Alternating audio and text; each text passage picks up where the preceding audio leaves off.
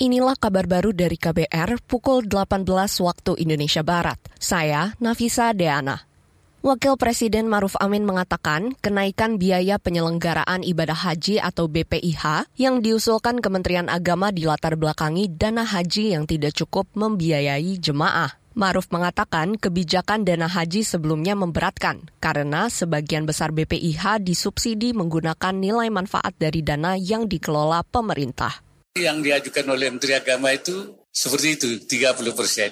Misalnya jumlahnya menjadi 100 sekian. Nah itu saya kira nanti dinegosiasi di DPR nanti ya misalnya bagaimana nanti kesepakatannya itu apa di, sub, subsidinya sekian saja dulu sedikit-sedikit tidak langsung jelek gitu kan. Misalnya sampai turun sehingga berat di jamaah Uh, tetapi juga jangan berat di subsidi. Itu tadi Wakil Presiden Maruf Amin.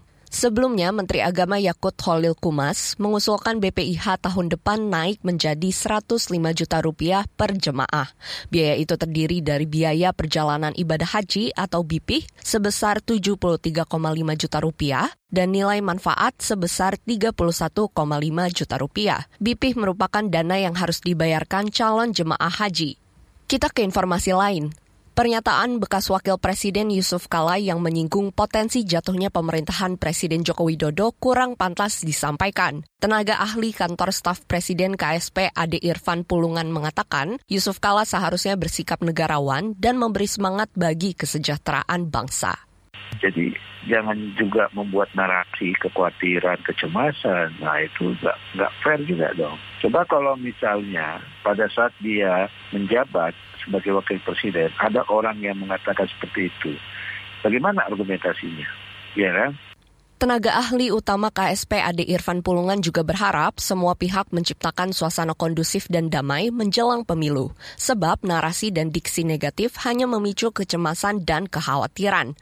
Sebelumnya, bekas Wapres Yusuf Kala mengingatkan potensi jatuhnya pemerintahan Presiden Jokowi karena krisis politik dan ekonomi. Menurut Kala, saat ini kemakmuran tidak tercapai dan demokrasi tidak berjalan.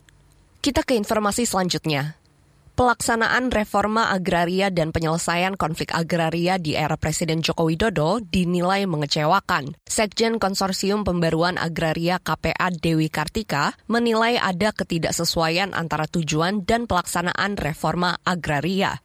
Artinya memang upaya restrukturisasi dan penyelesaian konflik agraria dalam kerangka RA ini kalah kecepatannya dengan pengadaan tanah untuk kepentingan investasi skala besar. Ini tercermin dari data konflik agraria sepanjang 8 tahun terakhir. Begitupun korban kekerasannya, saya pikir eh, Bapak Ibu sekalian sudah sangat memahami dan justru ini seharusnya menjadi pemicu bagi kementerian dan lembaga ini untuk serius untuk menjalankan reforma agraria. Sekjen KPA Dewi Kartika menambahkan, hampir dua periode pemerintahan Jokowi, ada total 2.700-an konflik agraria. Jumlah korbannya mencapai 2.600-an orang dan terbanyak adalah kalangan petani, masyarakat adat, hingga aktivis HAM. Inilah kabar baru dari KBR pukul 18 waktu Indonesia Barat. Saya Nafisa Deana.